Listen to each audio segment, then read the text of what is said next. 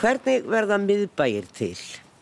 Í vangaveltum Pálmars Kristmundssonar arkitekt sem er höfundur vantanlegra deiliskypulagsgerðar fyrir Hamraborg í Kópavogi segir Hinn sögulegi miðbær borga enkennis oftast af almenningsrými, gardi og eða tjörn og oftast eru kirkjan og ráðhúsið ekki fjari.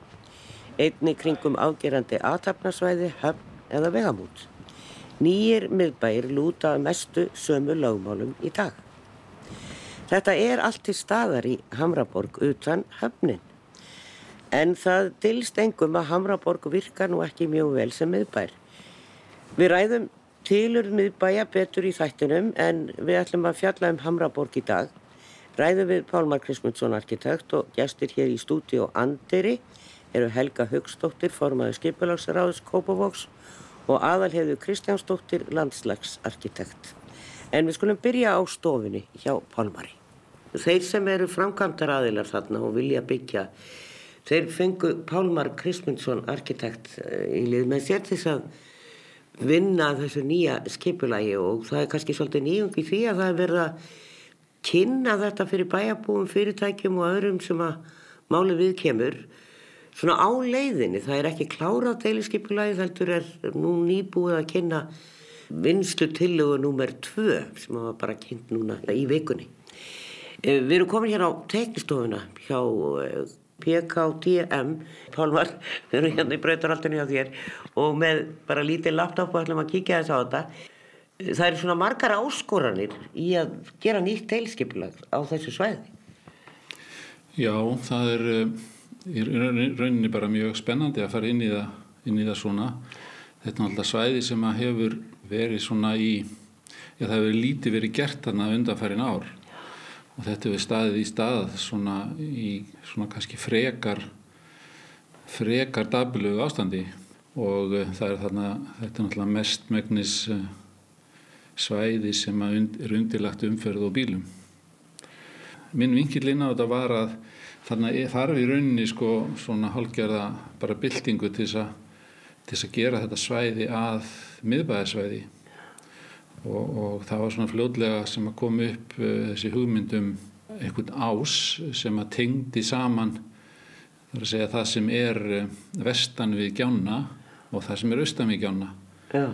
og þá var til uh, þessi hugmynd sem við hefum byggt á síðan sem að kvöllum í dag mannlýs ásinn sem að er gungu hjóla leið sem að tengirst eh, bara söður vestur þetta svæði og yfir, yfir gjána.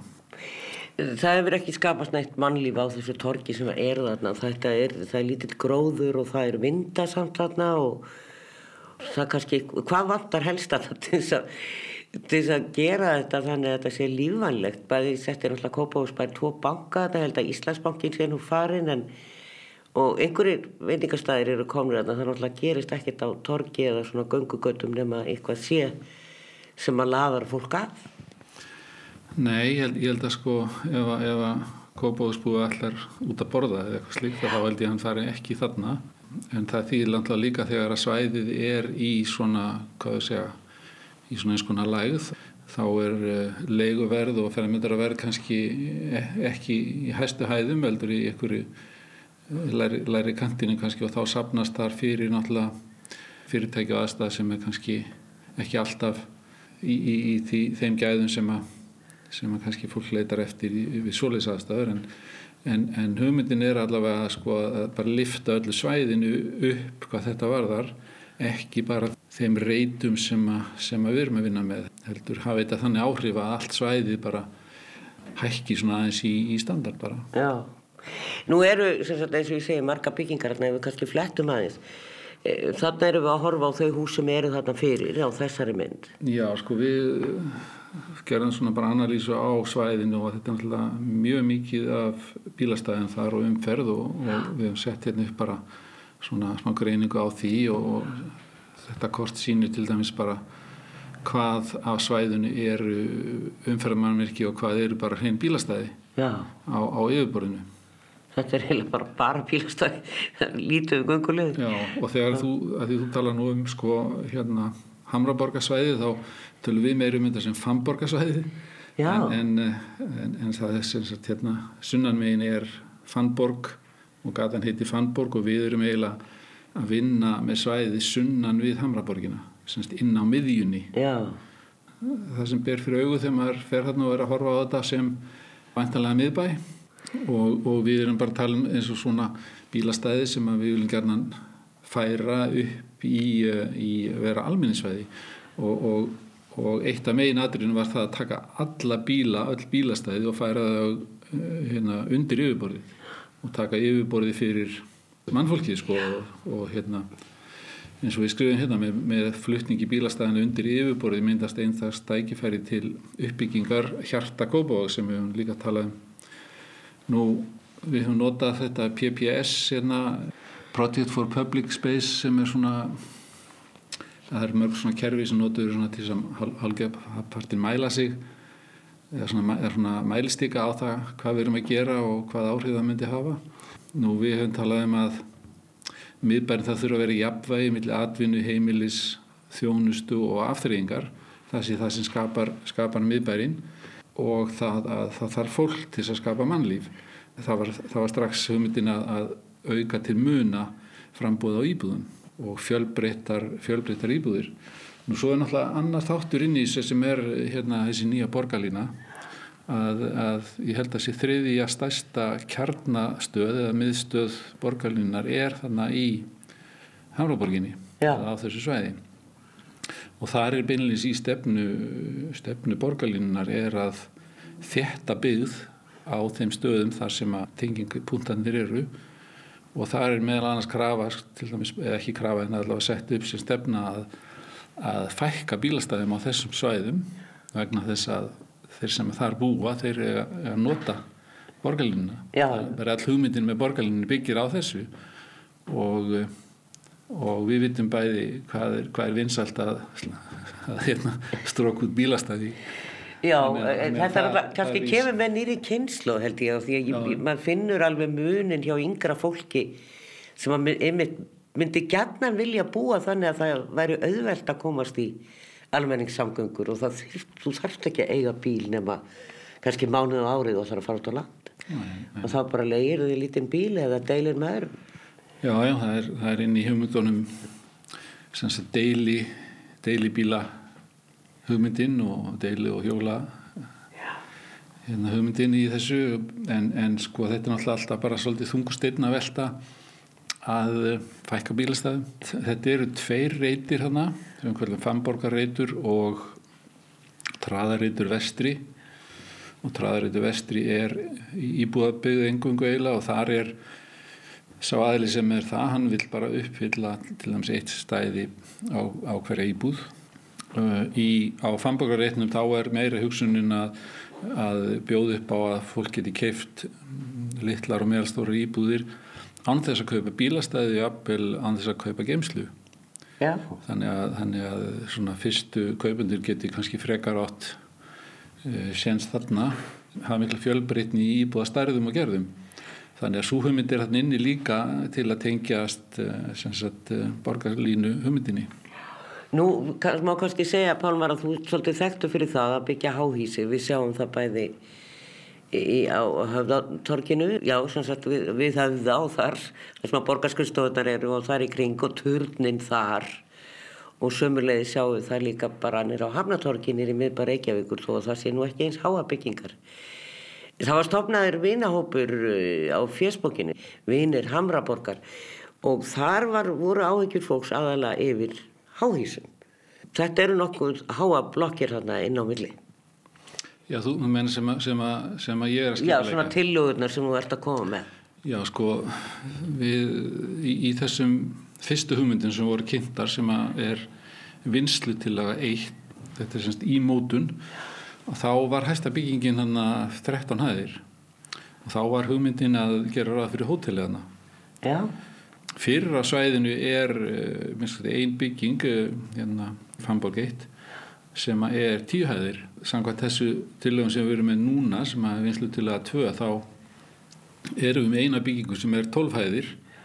Ég vil gerna að hún standi þarna sem svona konar geti staði sem eins konar land, landarmerki þarna stendur aðeins upp fyrir en hún stendur ekkert mikið upp fyrir þessa tíuhæða byggingu sem er þannig því hún stendur hilli hæð herra e, aðrar byggingar eru þarna eh, ekkert mikið í, eru í takt við það sem er þarna fyrir. Það eru átta þrjár, fjórar, sex og átta hæðir sko.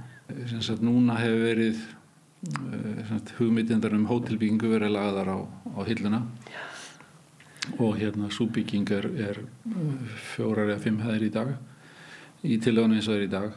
Hvað hæðir varðar sko þá, þá náttúrulega er bara þjertleiki sem að þarf að vera á svona svæði til þess að það gangi upp bara sko líka fjáraslega að, að þá er alltaf stóra hérna, verkefnið er hvernig vinnur við með þjertleikan sko. Við getum, getum þjapað þessu öllu nýður og það þekur þá bara meiri hluta á jarðhæðinni en þetta er svona það bíl sem að, sem að ég tel að, að myndi hæfa þessu svæði þannig það þarf fólk til að skapa mannlíf og, og við viljum fá fólk þannig og þessna erum við að gera ráð fyrir þarna um 400 eða 500 íbúðum.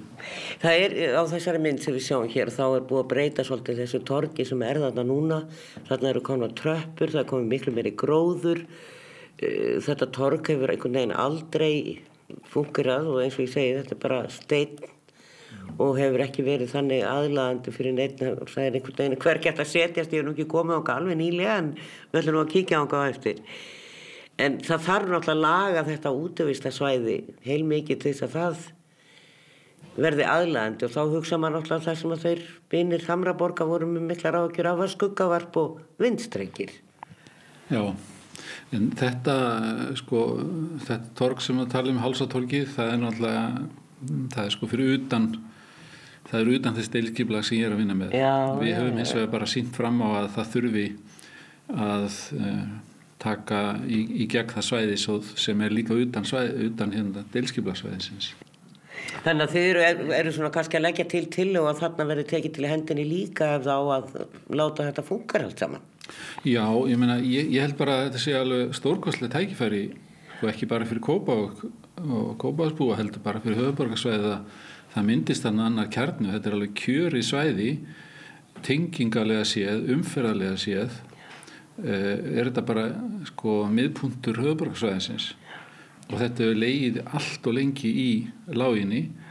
Það er frábært ef að þarna næsta næsta búa til þarna svona miðbæjar samfélag þá er allt í staðar þarna það finnst mér vera sko stóri punkturinn í þessu að, að með við þau verkefni sem ég hef gert áður þá er þetta eiginlega bara það bara smelt passar inn í, það, það er allt sem æli með því Já. og uh, það verður gráðlegt ef, ef það næðist ekki gegn að, að, fá þarna inn e, hérna, fjármagn og e, framkvæmda vilja til þess að bara lifta þessu bara á, á miklu hæra plan sko. Já. Já, já, en, en, en að því þú ert að tala um sko hæðir bygginga, skugga og vind og, og, og slíkt að þá náttúrulega búum við við það sólastaða og, og, og veð, veðráta er eins og hún er hérna og auðvitað reynum við að vinna með það eins og við getum við höfum sko gert skugga könnuna á öllu svæðinu yfir, yfir allt, allt árið og það er líka búið að, að hérna, setja þetta upp í tölvu líkan sem að reiknar, reiknar út uh, vind og vindsveipi og, og við höfum fært til byggingar og, og breyttum til þess að aðlaga hérna, tvo punta sem að koma upp sem að gætu skapað einhverja, svifti vindi á, á jörðinni. En aðru leiti lítur það bara mjög vel út.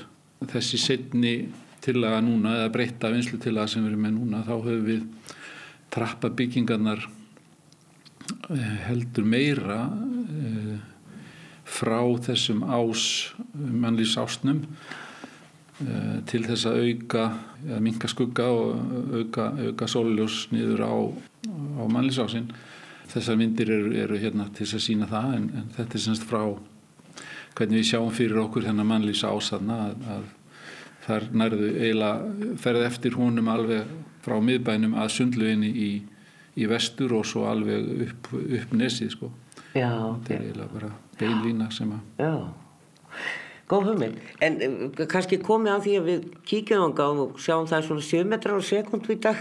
Við skulum sjá hvað plæsa okkur þegar við komum ánga. Það er náttúrulega ekki búið að byggja þessu hús. Við skulum vona að sumir að myndi líka skjól og ekki, ekki bara meiri vind. En það er svolítið berangur þannig.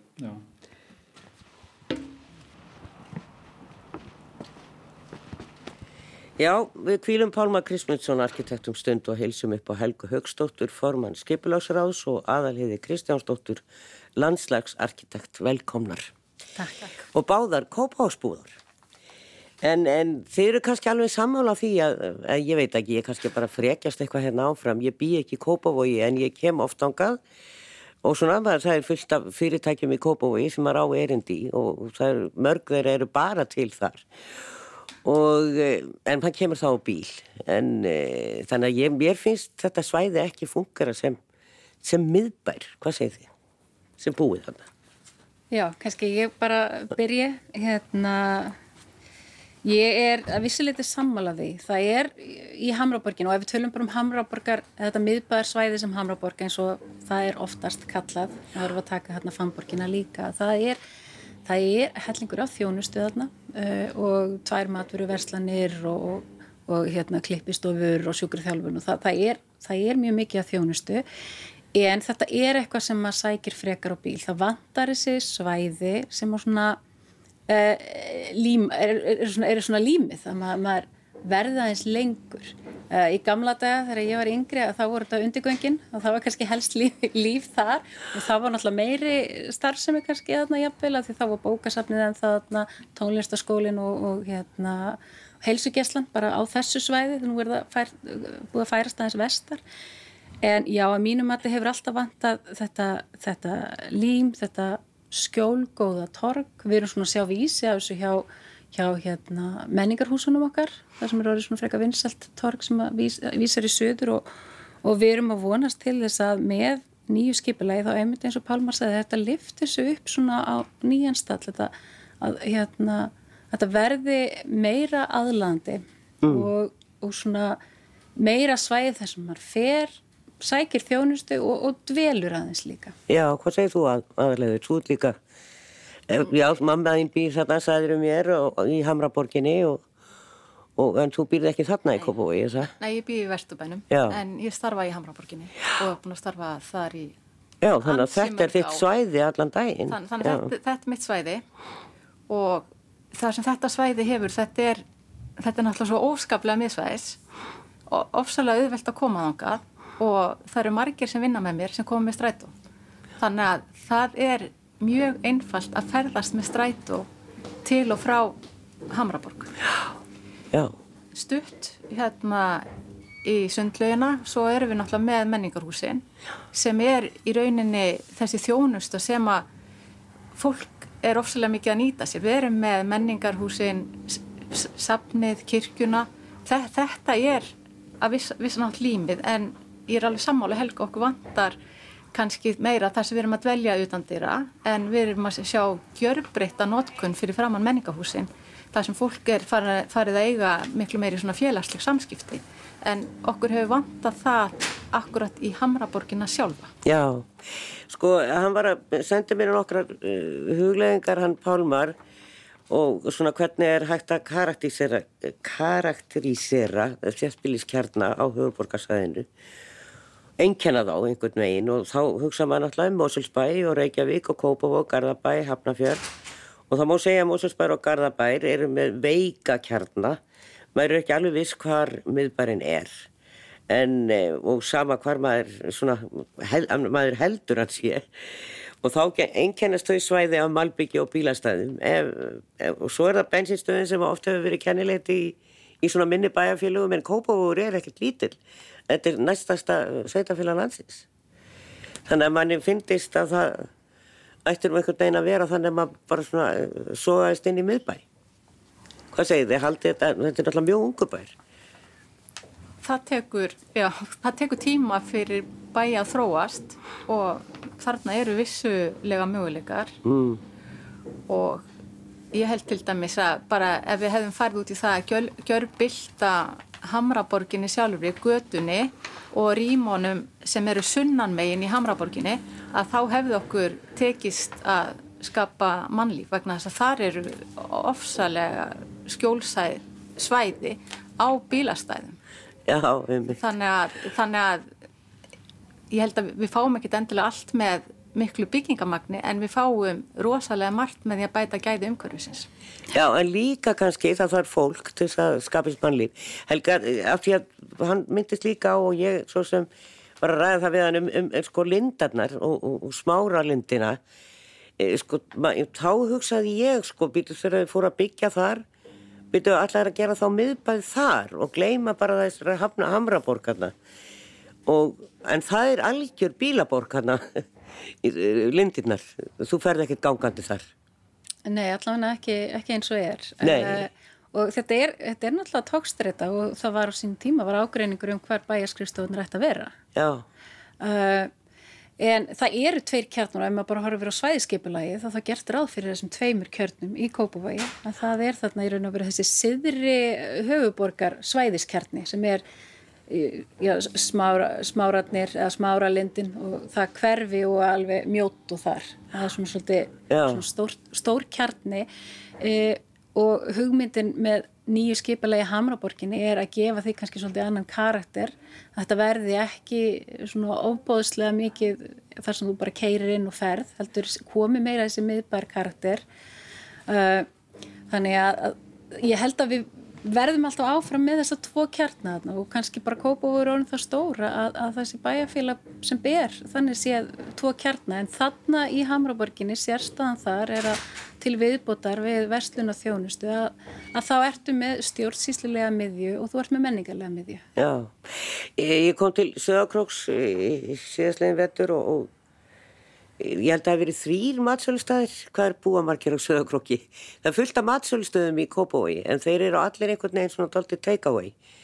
E, getur maður farið það er reynda alveg nýr staður opnaði núna inn í Kórakverfi veit ég.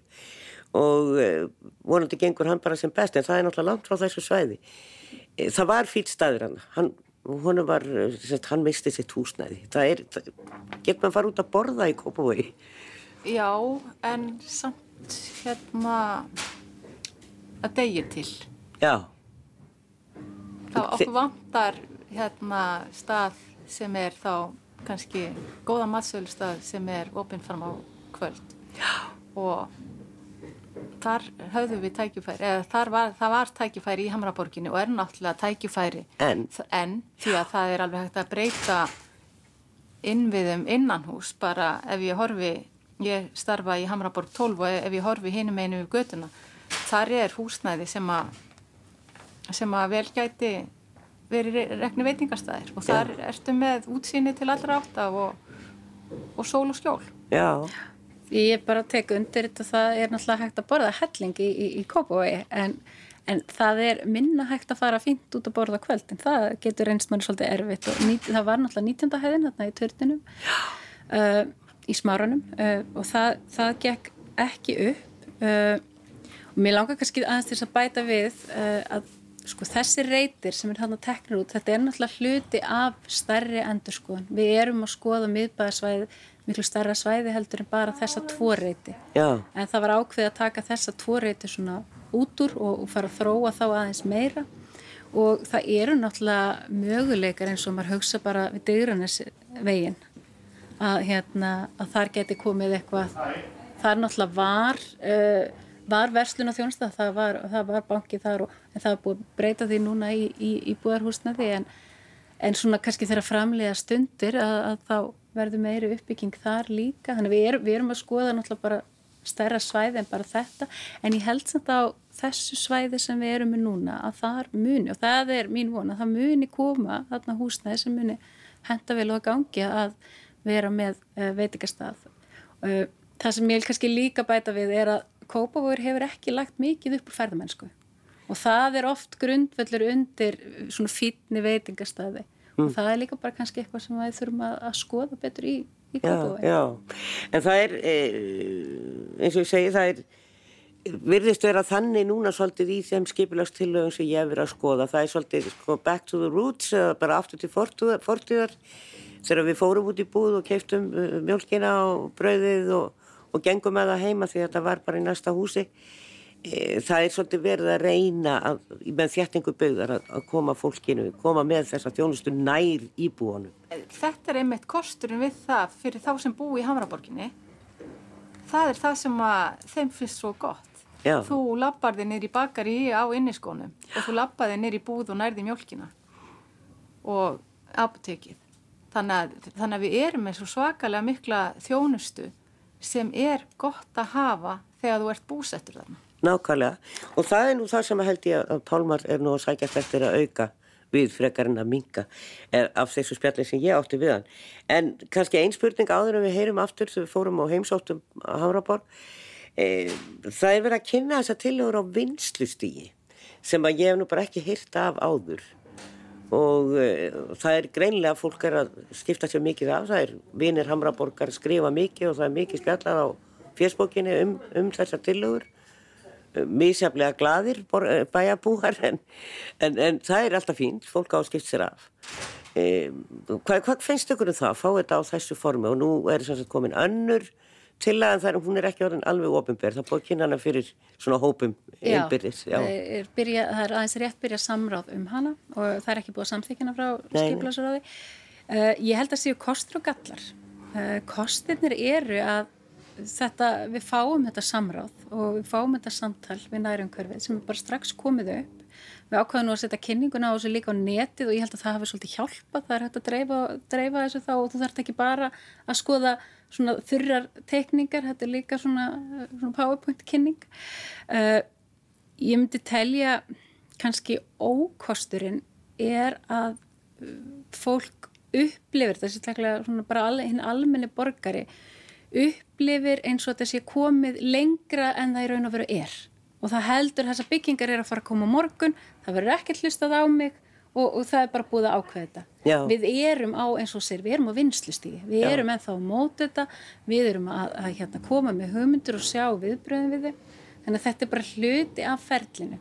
En ég svona hallast af því að, að kostinir séu, séu meirinn ókostinir. Já, hvað segir þú aðleðir að fá að fylgjast svona með? Ég er eh, mjög sátt við að fá að sjá vinslutilögur og jáfnveil gott að fá að sjá þetta á netinu. En, en mað, það, það þarf samt alltaf að hafa pínuti fyrir því að fá almenning til að kynna sér tilögur mm. vegna þess að eins og Hamraborgin þetta er, þetta er flóki svæð og þetta er heilmikið að setja sér inn í. Og, og sjá hvað er gott og hvað er vond Við erum alltaf í því ástandi þess að dana það er erfitt að hóa fólk saman. En, en það kannski áður við Pálmar fórum þarna í gæri ágættisveðri að skoða okkur um í, í, í Hamraborginni og þá eru ekki margir á ferli gangandi en þó nokkur á strætóstöðinu því að eins og þú sagðir það er, það er auðvelt að koma í strætó í Hamraborg og margir bæða að fara og koma en við skulum aðeins heimsækja staðin með Pálmari Kristmundsinni Já Tárum kom hér á Hamratorg eins og flestir kallaða hér í Kópavogi en það heiti vist Hálsatorg. Ég vissi það nú ekki. Hér, svona ef ég horfi í vesturátt þá sjáum við hér menningareitin í Kópavogi, kirkjan sérst hér í gegn e, á svona, svona glergangi sem er á millibyggingana. Hér er náttúrusafn og hér er bókasafn og hér er listasalur og hér er tónleikahús og svo er bara alveg dögt hérna hinn um einn á torkinu Það er Kópavósbærum við sínar eh, skrifstofur og landsbankin hér eh, í norðanmegin við torkið og þar með nýtist ekkert skjólið sem að kemur til dæmis í norðanátt hér fyrir sunnan og í sól að þá gætu verið steikjandi hitti þarna undir vegnum en þetta gler og en maður sér nú ekki eins og inn í bankan. Síðan er búið að mála hér á vegg alveg heiðgulan, ég veit ekki kannski til að líka þetta við, þar fyrir áttan er íbúðablokk svo sjáum við hér inn á það sem við, er, er Hamraborg eða hvað Pálmar er þetta Hamraborg sem við horfum á þarna Já, þetta, Já. þetta er Hamraborg sem við sjáum hérna Já. Þetta sjáum við inn á, inn á byrjunin á, á Hamraborginni og, og þetta svæði sem, að, sem að ég er með er inn á miðjunni sérst, fyrir aftan þessa byggingu hérna inn á miðjunni. Síðan er Famborgin eh, sunnamegi við. Þú veist þess að ekkert að skipulagja í rauninni þetta torg en það væri náttúrulega hægt að draga það inn í, inn í þetta nýja deiliskypilag sem er bara í, á vinslu stígi eins og málinn standa. Já, þetta er ekki hluti af, af því svæði sem að, sem að ég er að skoða en, en auðvitað skoða maður allt sem er í kring og, og stingur inn hugmyndi að maður hefur um, um eitthvað sem að gæti styrt hildarsvæðið. Já, sko eins og Marti Gópói þá, þá er þetta nú ekki svona ferkönduð blokk Hamraborgin heldur það svona rúnað og það er byggt og þetta er byggt í vingil og, og, og þetta er einhvern veginn, maður gerir sér eiginlega engi, enga grein fyrir hvar húsi byrjar og hvar það endar. E, þetta er, já, hvað, hvað er, þetta er mjög allavega eitthvað að horfa á þetta að geða. Já, Hamraborgin sem slíka er svona hvað maður segja, svona rand, randbyggð, það er stór, stór garður inn í miðunni, geyslagarður held ég hann heiti. Þannig að maður sér bara útliðarnar og inni er svo garður íbúana. En, en hérna er náttúrulega bara komum við að bílastæði í okkar bílastæðaborg, stórrækjaðu svæðið er allt hannig, það er hérna til dæmis, er stórt útvistasvæði í rauninni en bílarnir fá að njóta þess. Já, hér er sko, hér er bara malbygg og, og bílar og við sjáum hérna hæðamisminnin semst frá, frá torkinu sem vorum á hér og svo upp á, upp á hæðina þarna sem er eiginlega hæðin sem að, jarðhæðin sem að við erum að tala um að gera að svona mannlífssvæði, mannlífsásinn kemur þar og við þurfum þá að trappa þetta niður hingað og svo, og svo heldur þetta áfram þá inn á hérna Kásnesi. Það er, er ekkert aðgengi hérðan þarna upp, sko bara á tveimur jafnfljótum? Jú, það er, er tröppur hérna á tveim stöðum en við sjáum það ekki hérðan en, en ég veit hvað það eru þannig að við getum fundið það. Já, skulum reyna að finna það. En hérna, þessi bílastæði yrðu áfram eða hvað? Já, sko hluti af þessu verður áfram það, það er það sem er fyrir utan, utan það svæði sem við erum með það verður áfram hér sem, sem bílakjallari Já, ég skil. Þið bara hækkið þetta? Það verður, verður byggt hér yfir og svo trappa hérna nýður og þá, þá hérna færast verður sett milli, milliplata eða milliloft hérna í þetta fyrir bíla Já. Og þá koma allir þessi bíla sem við sjáum hér uppi þeir koma þá nýður undir yfirborðið og, og við gerum þá ráð fyrir að það verði almenningssvæði þar fyrir ofan. Já, þetta er svolítið inn í myndin til dæmis á kringlusvæðinu líka, bara hækka göttuna og láta bílakjallaran vera þar og síðan er hægt að gera eitthvað enn á torki. Já. En það sem er kannski vandamáli þegar þetta er ekki jarðvegur, það er alltaf ekki hægt að gróð, þá er þetta allt í, í svona kerjum og allur gróður. Það er ekki hægt að setja rótfesta tríja því það er ekki jarðvegur.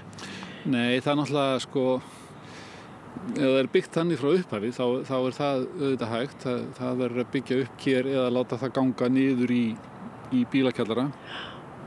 En yfirleitt eh, er, er nú ekki spandirað í það að setja mjög mikið í jarðveg og burðarvirki kannski ekki hanna til þess að bera það. En ef þetta er gert frá upphafi með þessum ákvæðum að það skuli vera ákveðið magna af, af jarðvegi til þess að gróður þrýfist þá, þá náttúrulega gengur það, maður sér það ja. dæmi sanna það, það, það gengur. Hér er Gjábakki sem að margir hafa talað um í þessum vinum Hamraborgar sem er félagsmiðstöð eldri borgara og hún er þá náttúrulega komin onni í kjallara ef, að, ef að það er byggt hérna yfir e, eða þá bara færð. Ingangurinn hérna í, í Gjábakka, hann er eiginlega alveg óbreyttur sko því að hér á milli koma tröppunar koma svífandi hérna yfir og niður á torkið. Það er þessi tröppur og rampur sem að tengir þetta saman. Þannig að sko kjallarinn kemur hingað að en, en, en þetta aðgengi er alveg óbreytt sko. Fólk getur komið áfram að lagt bílónum sem sagt hér undir þessum tröppu mannvirki sem kemur hér og farið hérna inn.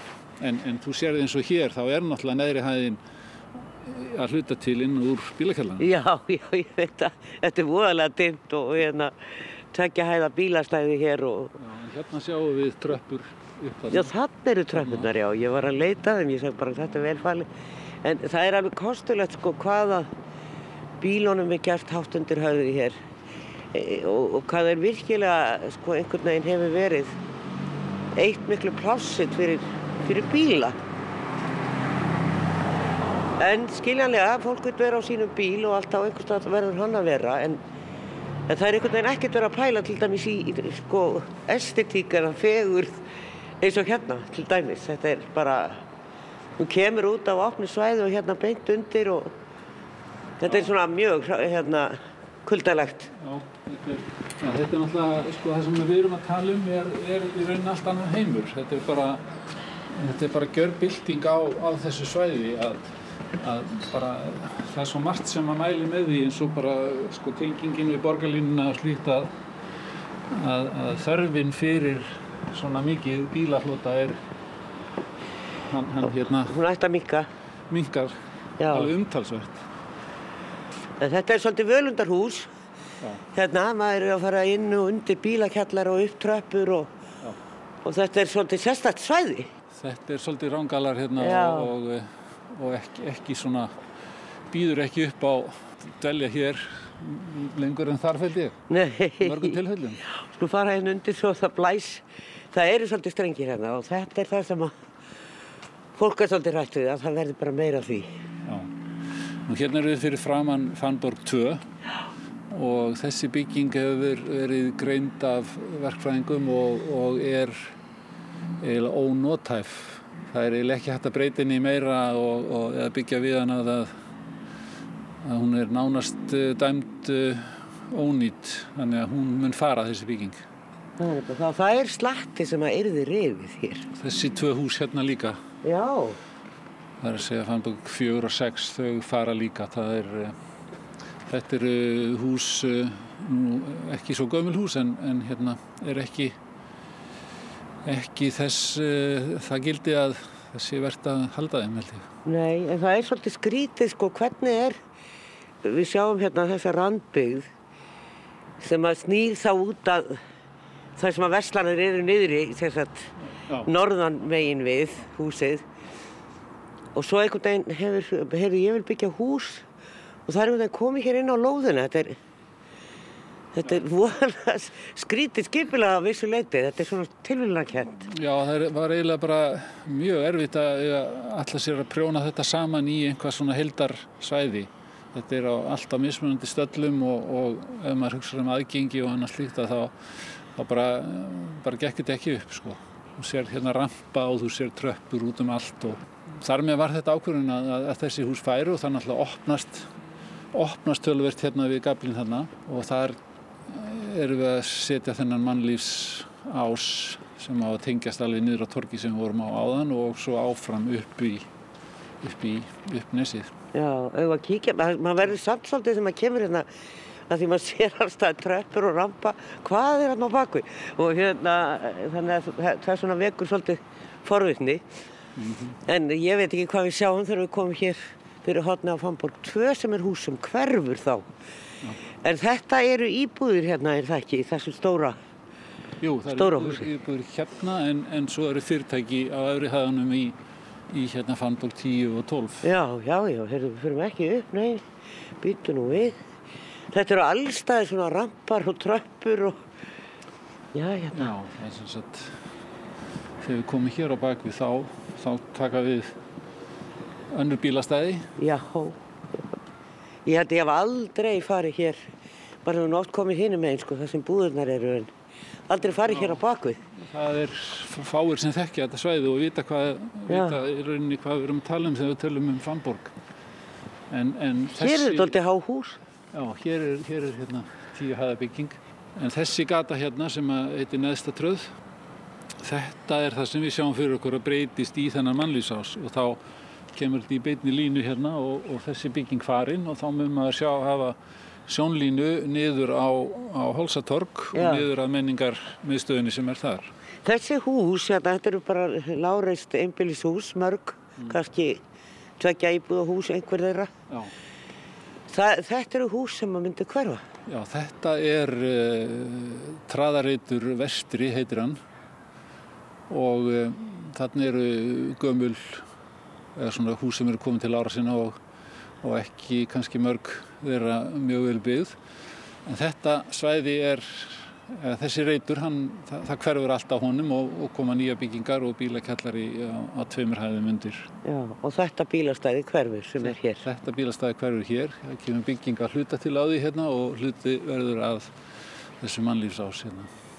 Sko þetta er bara á vinslustíði Pálmar og, og þú, þú ert í rauninni sem er mjög sjálfgæft að kynna bæjarbúum og fyrirtækjum og yfirvöldum hér e, það sem þú ert að hugsa en þetta er engin, ekkert endarlegt deiliskipulag, fólk er að koma með aðtöðasendir.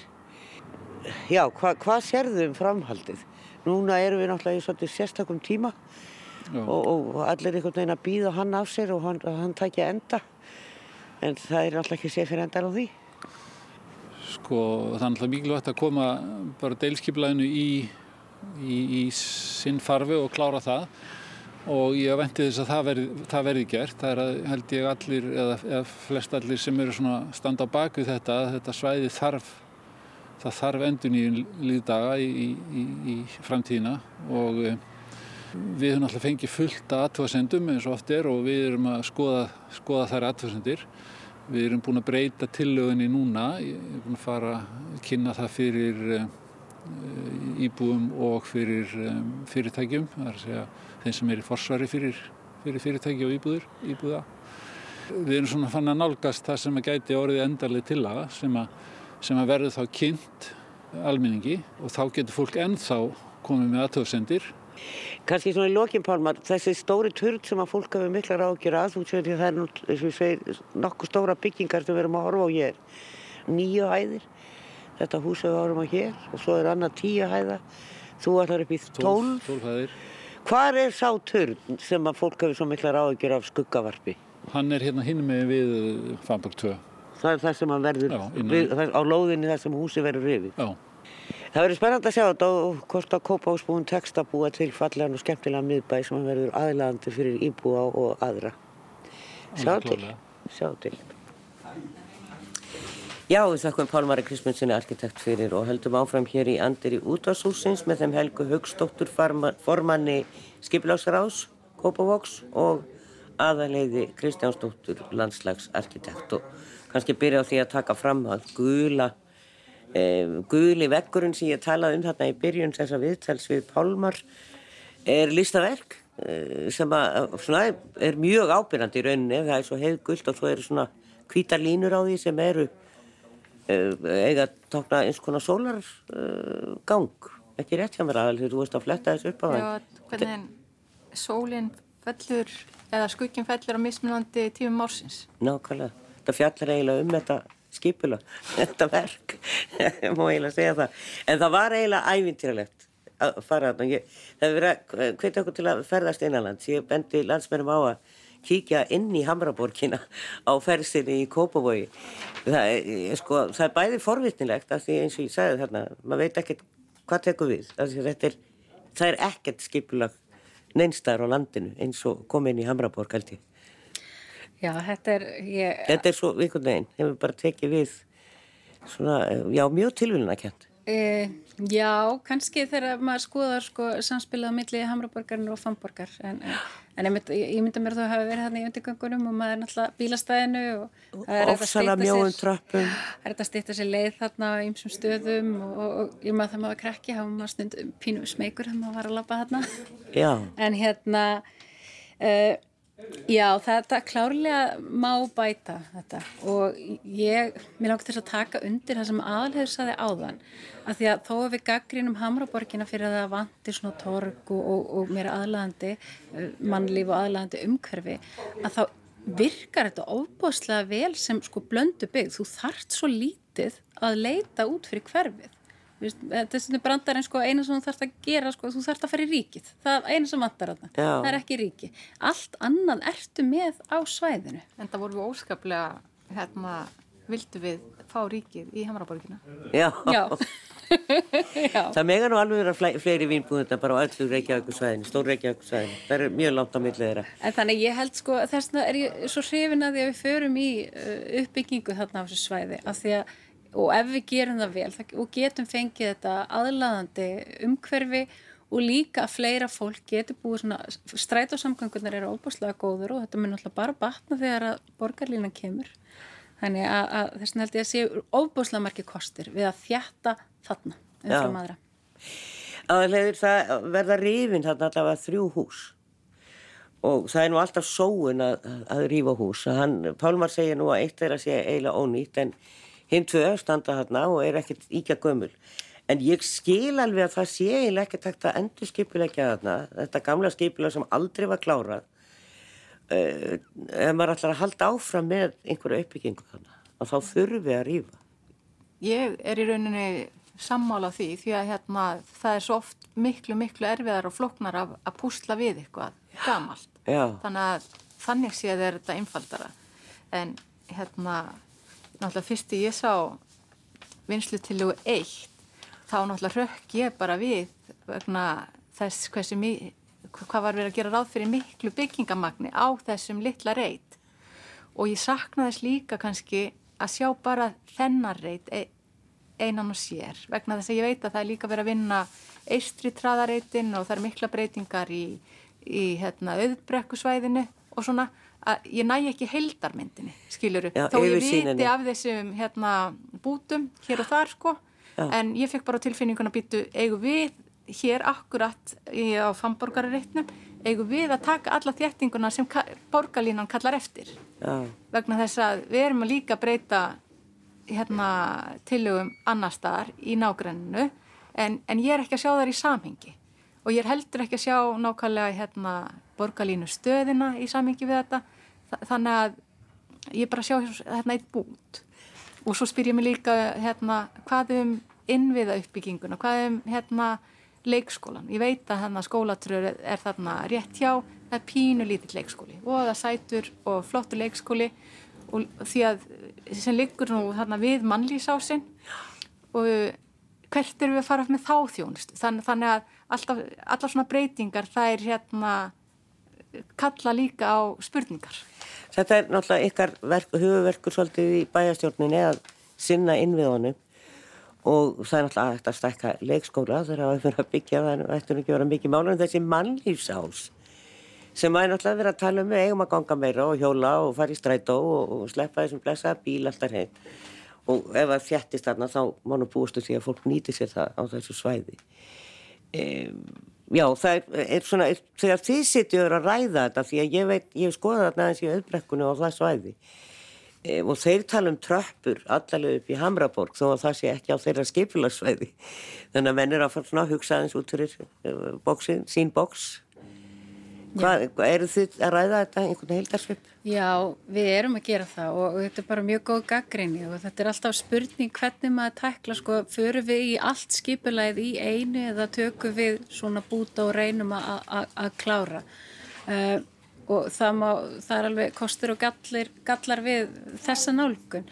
Uh, það er alveg rétt, við erum að þjætta á öðrum stöðum það er þróunasvæðin alltaf hérna auðbrekkan og svo erum við að þjætta á traðaritt uh, eistri og þessi mannlífsás, hann tengir nú þessi hverfi svolítið og hann er mjög spennandi, hann likur bak við Kópáskóla og likur bak við uh, mentaskólan Kópái og sko draumurinn er einhvern tíman í, í framtíðinni gæti hann leigið bara eftir dygrannis hregnum, þetta væri æðisleg svona uh, tenging á milli Hérna, vestur og austur? Já, vestur og austur í Kópói. Við erum náttúrulega með dalina sem tengja svona eh, Kópóin svolítið langsum, Fossústalinn og Kópóstalinn og værum með eina tengingu þarna efst á hrygnum. Það væri frábært. Alveg út í Kásnes, það sem er nú að vera að byggja heilmikið. Já. Og endur nýja. Já, já, já, og svo er þetta, sko, þetta er alltaf líka spurningum samhengi, við erum að horfa á þetta svæði þarna og svo náttúrulega líka er þetta kannski samhengi við eh, Kásnesið og bara uppbygginguna í Reykjavík sem er hérna í Vasmírinni þetta svæði allt er bara óbúslega spennandi af því að þetta er svo miðsvæðis og samgöngur eru, eru góður og verða betri. Já, hvað segir nú það aðliður? Þannig að koma nú reynda fína tenginga með brunni yfir úr, úr nöytorfylginni yfir á Kásnesið Algjörlega, Já. algjörlega. Og þannig að það, það sem ég sagði upp af ykkur kosturum við Hamraborginu, við erum svo miðsvæðis og við erum svo vel tengd. Og þessar tengingar eiga bara eftir að batna. Já. og hérna en ég vil kannski ekki sjá alla vegna því uppbygginguna akkurat þarna eða hæðstu húsin. Ég myndi gærna vilja skala mig aðeins betur. Ég horfi á hérna Kópáskirkju sem er eitt af okkar kennileitum og svo menningarhúsin.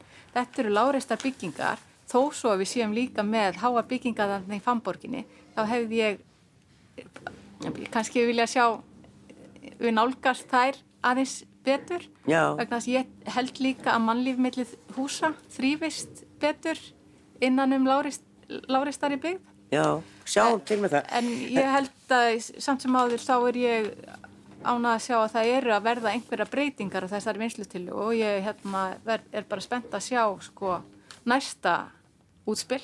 Já, það er náttúrulega fríðarsvæðið þarna kringum kirkina, ekki satt. Jú. Þannig að hún kemur nú alltaf til með að standa sem kennileiti Kópavóks þarna í friði og ekki byggt vonað henni.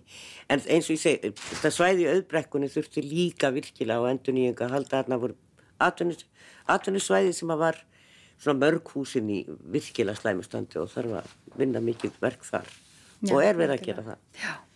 Þeir besta máli Kópavogi en það er þetta með vindana og sólina og allt það sem við viljum hafa og, og við vitum að við byggjum hátt og þá fáum við meiri skugga og þetta er samt einhvern veginn lenskæta að byggja.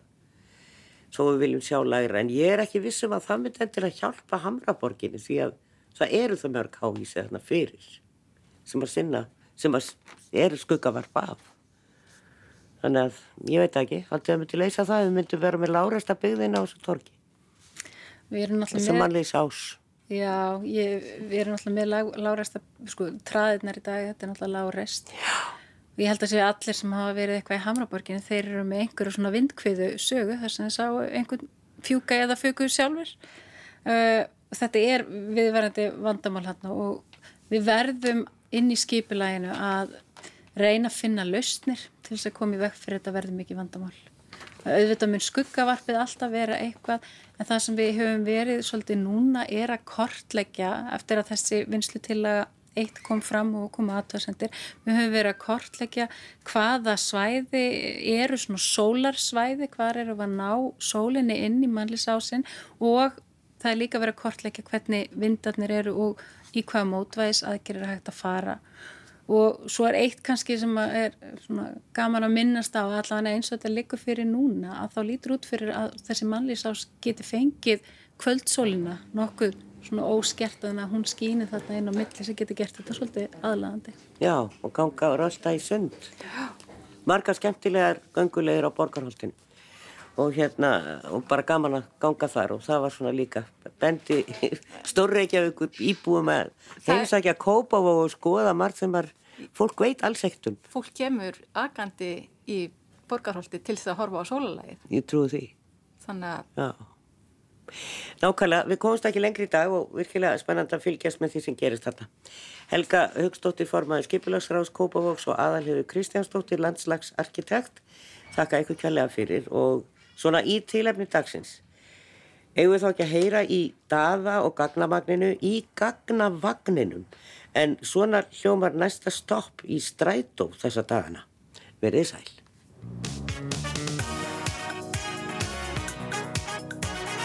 og næsta stopp er Hamraborg